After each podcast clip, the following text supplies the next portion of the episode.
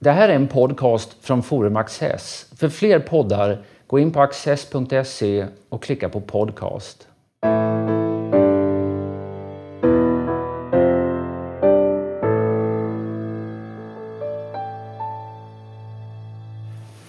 Varmt eh, välkomna. Eh, temat idag är någonting som angår oss alla, nämligen vårt välstånd.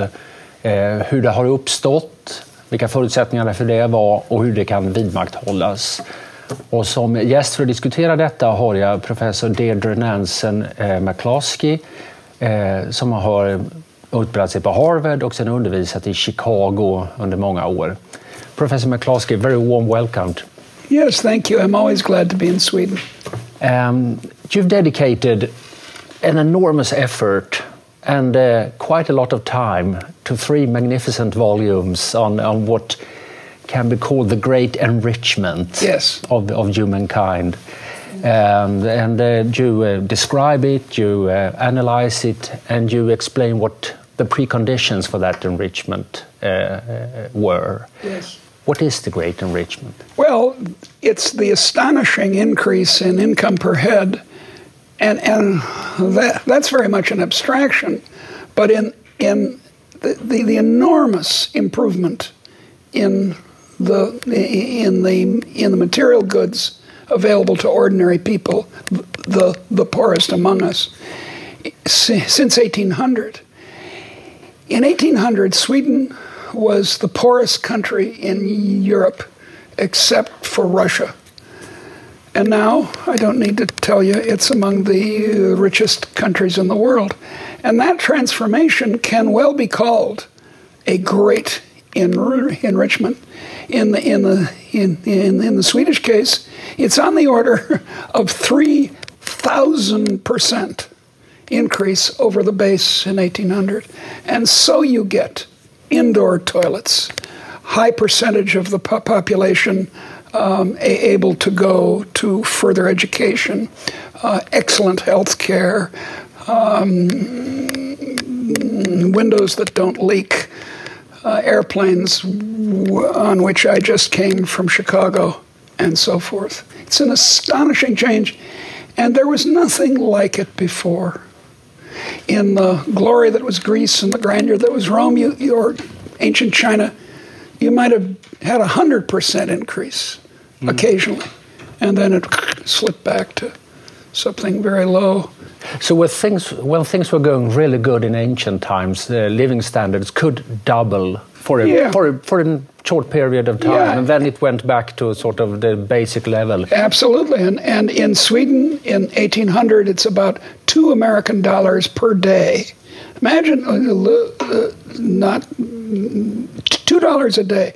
Now that's not unheard of right now. There are places like Bangladesh and, and so on that are that poor. But then it came to be what it is now in Sweden, over hundred dollars a day. And that's actually a factor of, of, of 50. Mm. So you get these gigantic increases in percentage terms, as I say, and that's in the something thousands. that we've never seen before in history. Never close. Now, obviously, so if you were uh, Cleopatra, you did pretty well. Mm. A few people were. A few people did well, but but this is the mass of the people, and I emphasize the poorest among us. The chief, the chief beneficiaries were the poor. Your ancestors and mine. Mine were Irish and Norwegian uh, uh, peasants, and our standard our um, ability to travel, to eat well, to have a larger spiritual life, whatever, was so much increased. Um, you know, yes, the very rich also got richer, but having a third yacht or another diamond bracelet isn't as significant as having a roof over your head and excellent health care and opportunities for education as we have now. And there had been mighty cultures uh, uh, all over the world Egyptians, Chinese, Yes. Persians, Yeah. the Incas in, in South America, but uh, things th- they experienced no such thing. It happened in it happened in Europe, and well, but so, so I mean, one of your themes is why did it happen? Exactly, here? but Yeah. there, but be careful because there's a very deep confusion in people's minds between power and plenty. Sweden in the in, in the 17th century was a great military power. At least it thought it was until things. Yeah, I think it's fair to say it was. For it was For- for a while. For a while, and then in 1715 things weren't so good. But okay, so it was powerful, but that didn't make people rich. It you you uh, empire, the Br- British Empire, didn't make the ordinary English person any better off. Extracting money or gold from place, even Spain, even Spain, with these enormous gold mines and silver mines, the silver and gold didn't do ordinary Spaniards any good, except they got jobs in the army. Um, no, in order to have this great enrichment, the productivity of the economy, the ingenuity especially, has to has to just explode, and that's why it happened in Europe. It's it's a, it's a somewhat complicated story, but not not so complicated. The key point is liberalism. The key point is giving dignity and freedom to everyone. Now, look, come on. I admit the United States was a slave economy. Um, there were uh, serfs in, in, in, in Denmark and so on. So this isn't, and, and half the population, namely, na, na, na, namely women, were excluded from uh, many kinds of economic activity.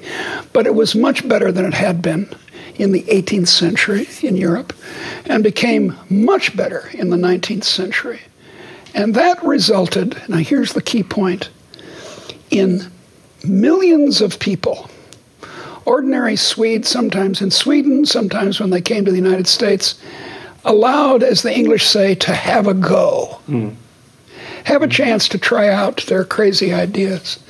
So you, you get the bandsaw, a Swedish invention, cut through things. You get uh, um, the uh, you get um, bulb ball bearings, a Swedish invention. You get dynamite, a Swedish invention. Um, coming from this mass of people, all trying to be Alfred Nobel, right? But when you say that that it's about liberalism, and I mean, so liberalism is often uh, equated with uh, with a set of political pri- principles and and the institutions. But if I get you right, I mean, your your one of your most important points is that it's this is not about. Um, the political system as much as right. about the mindset. Exactly. It's about it's, well, it's about the mindset of the society towards people. You know, um, uh, I just saw an excellent film called called Irish film called Brooklyn, which is about an Irish young woman who comes to the United States in the 19, uh, 1950s, and she's torn between staying in Ireland or going to the United States, and she has has a boyfriend in both places. And there's this turning point when she realizes that if she stays in Ireland, she'll still be in this class society. She won't have the comparative openness of the United States. In the great Swedish trilogy of films about the immigrants, the first I forget who's the who is the author of that, but it's Wilhelm Moberg. Yes, indeed. And it, it the, the the first one points paints this vivid uh, uh, picture of being a poor agricultural laborer in Sweden. Couldn't get married, couldn't do this, couldn't do that. You were f- kind of frozen in this position. This is in the 19th century, not now. And that's what changed. It changed in Sweden, really. It started to change in the middle of the 19th century, although it is true that even earlier, Sweden had remarkable um, uh, a sense, uh, almost not quite an egalitarian sense, because there were aristocrats to be sure, but but had re- representation mm-hmm. of the peasantry in parliament. But still, well, it was compar- uh, relatively egalitarian, but it was also heavily regulated, and that, heavily that disappeared in the mid 19th. That's century. the key. In the middle of the 19th century, the Swedes had their had had their liberal era. Mm.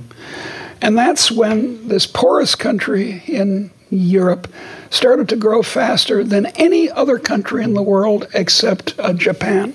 And it's the same thing in Japan. Japan. So, so, the crucial thing is when, sort of, to put it easily, uh, I mean, when ordinary folks are given a chance. That's the key. yeah.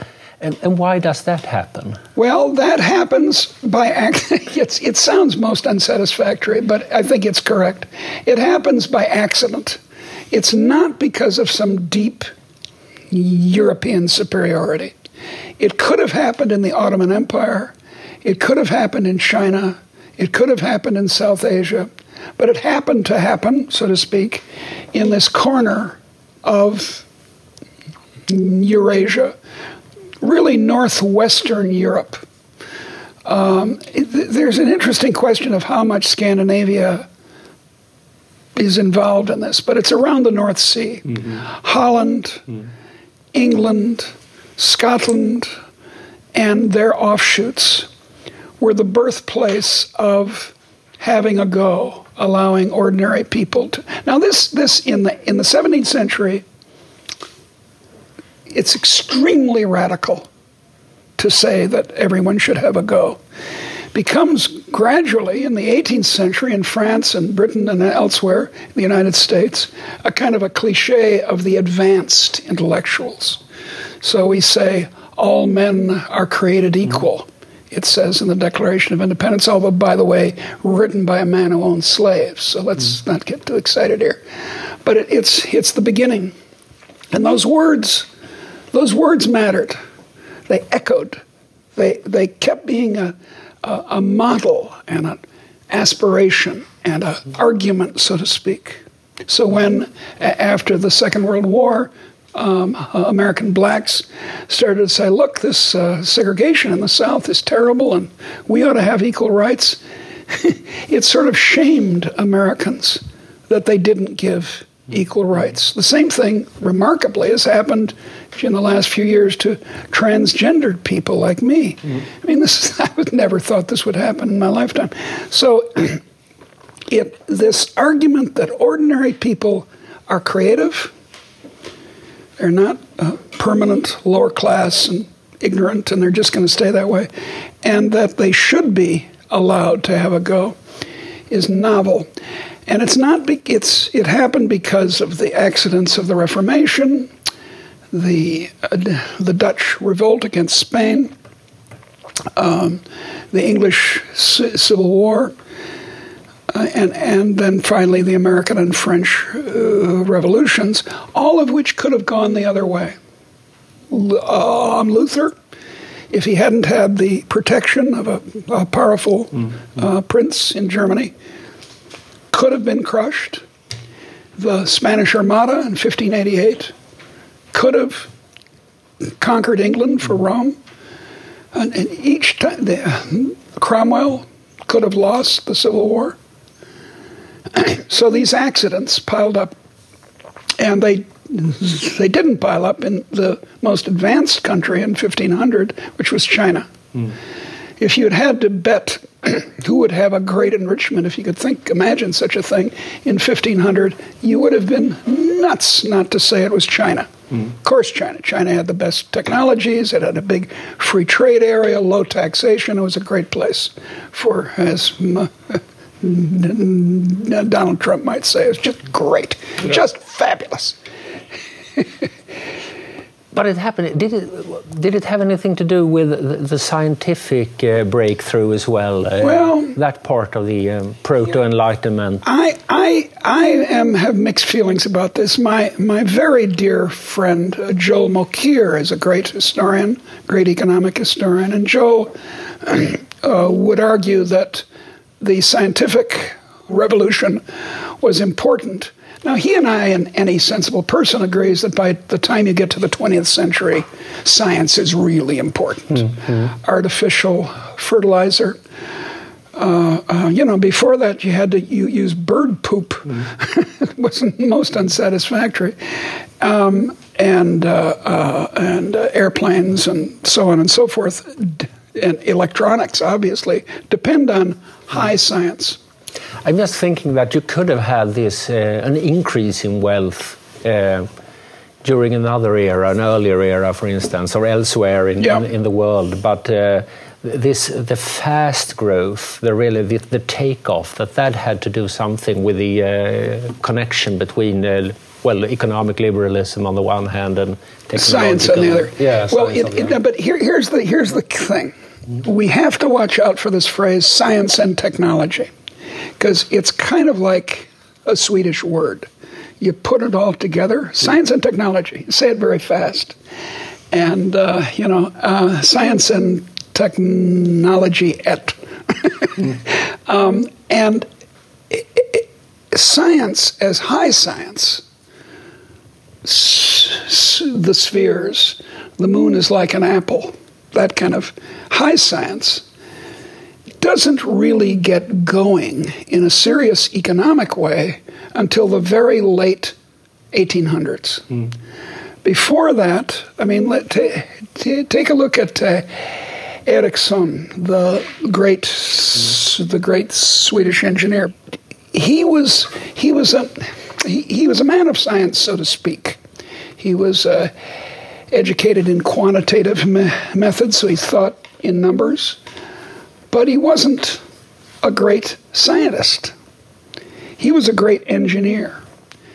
Um, uh, Brunel, a French origin um, Englishman mm-hmm. of the same period, early 19th, middle 19th century, was a great engineer, a great this is a word that some of my colleagues don't like, but a tinkerer, mm-hmm. someone who mm-hmm. fiddled with things. And the kind of um, tinkering that goes on in the, in the Swedish countryside in the 19th century in the winter when there's nothing to do. Um, with everyone trying to develop a better mousetrap, as we say. Mm-hmm. That's where you get the engineers, the great inventions. And tinkering is that's very much individuals doing things. It's very much individuals. It's and, and in that way, similar to uh, the, the, possibility to start your own small business exactly. or to trade it, on your on your own initiative. That's right. It's it's not. It look. Let, us take. And a, there were enormously impressive engineering feats in well China, for instance. I know, but but maybe less tinkering. I don't. That's it's very puzzling. We we we know much more about Chinese science than we did uh, half a century ago. And as I said before, Chinese science in 1500 is really impressive. Chinese engineering is even more impressive. Chinese economic structures, uh, uh, uh property rights, and, uh, and, and tr- low transport costs are amazing. But somehow they didn't have that extra spark. And I don't know enough about China, and I don't think anyone at present knows why they didn't have it. But why didn't they have it in the Ottoman Empire? Well, the reason is, and it's true of all these societies, by accident, by unhappy accidents, their elites, as all elites, at any time, above all wanted to stop innovation. because innovation is really irritating to elites. Uh, if you're a, uh, uh, a cameraman in a TV studio who specializes in these big old fashioned cameras, it's very irritating to you that they become as small as, you know, ordinary cameras. Because all your skills go away. And if you have if you're part of the elite, part of the governing elite, you can stop it. And that appears to be what happened under the Ottomans, uh, uh, although not in every field. They were extremely innovative in, uh, in war, but not so much in uh, engineer, ordinary engineering. Mm. If you regard, let's, let's talk a little more about China. If you regard respect for the individual, giving yeah. everybody his or her uh, uh, chance to, to succeed, Um, how does that rhyme with the fact that uh, there certainly has been an enormous increase in, in wealth and, and uh, income in China during the last 30 years, but not that much of an increase in the respect uh, of the individual? Well, I, the, I think what's being mixed there is the politics, which is appalling in, in China, and the, and the economic uh, side of society. Mm. Because economic innovation is much admired now in China, whereas before it wasn't. Before calling someone bourgeois in China was a sentence of death mm-hmm. or, or something a little less, but really bad. Whereas now, um, the, the Chinese le- le- leaders talk, say things like it's glorious to be rich. Uh, they, until 2003, it was a capital offense in China, on the books at least, to be a, a millionaire. Now, of course, that after 1878, yeah. that had long gone oh. in practice. But they don't follow most of their constitution, and they didn't follow that either. But of course, in politics, that, that's the problem that the that the Chinese have. I mean, capitalist behavior, entrepreneurial activity is um, everywhere. Uh, is rewarded and is everywhere in China, but is it respected? Oh yeah. Yeah, it's highly respected. Or are the people who undertake it respected in the way that you talk about respect when well it comes enough. to Western Europe? Well enough. You don't have to make people into heroes. You don't have to say greed is good and like Donald Trump again. Donald Trump believes in his deepest being that being rich is a proof of virtue. Mm-hmm. He's not as rich as he claims, but anyway, being rich is a proof of virtue. And you, you, you, you don't have to go that far to at least allow people to try out ball bearings. Mm-hmm. uh, so it the, as I say, that's the problem the Chinese Communist Party has. In the, in the old proverb, it's riding the back of a tiger. And as long as you stay on the back of the tiger, everything's fine. You fall off and you get eaten. Whereas I've had much more optimism actually about India than about China. Because India, for all its faults, is a democracy and uh, had, gives every sign of continuing to be a democracy. So they've already gotten off the back of the tiger in politics. Now they've joined the Chinese, partly because of the Chinese example, in liberalism of an economic sort. Mm-hmm. So they have both. They have, I know, I know Indian democracy is not perfect. And I know that they're not growing quite as fast as the Chinese, but they're growing at 7% a year per capita, which means their income doubles. Ordinary people's income doubles every 10 years. And that's, boy, that's a tremendous improvement over 1% a year, mm-hmm. which is what they had under socialism. If we go back to Western Europe and, and the US, too, for that matter, I mean, the, we've experienced this enormous increase in wealth and, and sort yeah. of the practical day to day liberty that brings with it and still there is very little enthusiasm uh, for capitalism or for bourgeois virtues. Uh, so, um, that's why I wrote the books. I wrote three books mm. Bourgeois Virtues, Bourgeois Dignity, and this last one, um, Bourgeois Equality. And that, that's my emotional motivation for it. Because I think it's, it's extremely dangerous to make the perfect, the enemy of the good. Mm. American, Swedish, French, economic e- economy, politics is pretty good, all of them. Minor, I, think I think Swedish people tend to exaggerate how much difference there is between the United States and, and a place like Sweden. They're, they're actually, Minnesota is indistinguishable from Sweden. But um, they're pretty good. But in pursuit of utopia, we're allowed to say, well, but you know, there's still some poor people on the streets of Stockholm. There's still people begging so we've got to have a revolution, throw it all away, and start over again. because the problem is capitalism. And And the good things are taken for granted. that's right. And what I'm trying to get people to do is to not take things for granted, to, to realize that this is an astonishing change, and that it's not obvious that a revolution is going to make it better, and it's not because of capitalism that people are poor.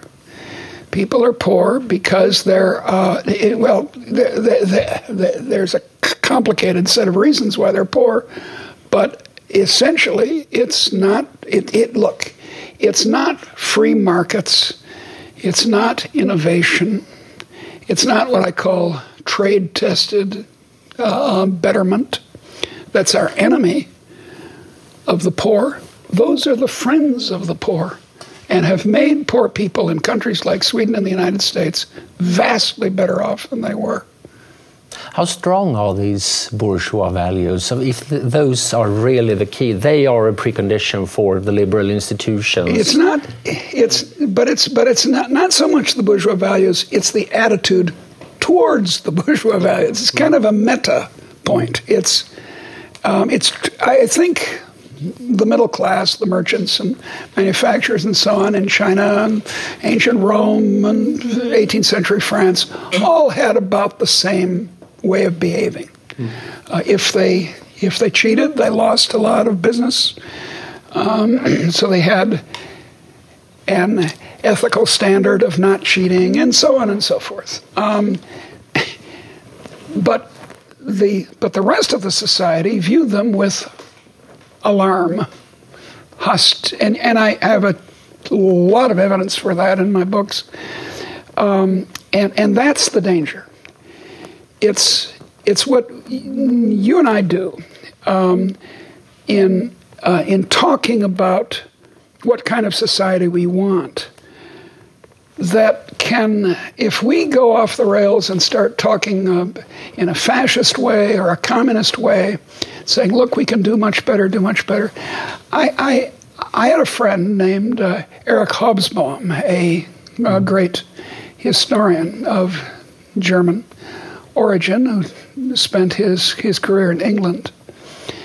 And in the 1990s, after the after after the British Communist Party had dissolved itself, and Eric had, would therefore was no longer a member. He had he had been a communist since he was 16 in the 1930s in Germany. And Michael Ignatieff had a, uh, a talking head pro- program like this on the BBC, and he had Eric on. and he said to Eric, as though to kind of kind of catch him, "Is the revolution worth 30 million deaths?" Referring to rough estimates of how many people were killed under under uh, Soviet and Chinese communism. And here was the terrible thing. Here's the wrong ideology. Eric, without hesitation, said yes. Now, if he had said, well, you know, you pose a difficult question, uh, it takes, you have to break eggs to make an omelet. Uh, well, oh, geez, I don't know, I'm not sure. That would have been fine. But he said, nope, we've got to make the best the enemy of the good. And that's something else than you've described in your books. Yes, very much so. Professor McCloskey, thank you very much. Well, thank you. It's been fun. Och tack så hemskt mycket för att ni har tittat.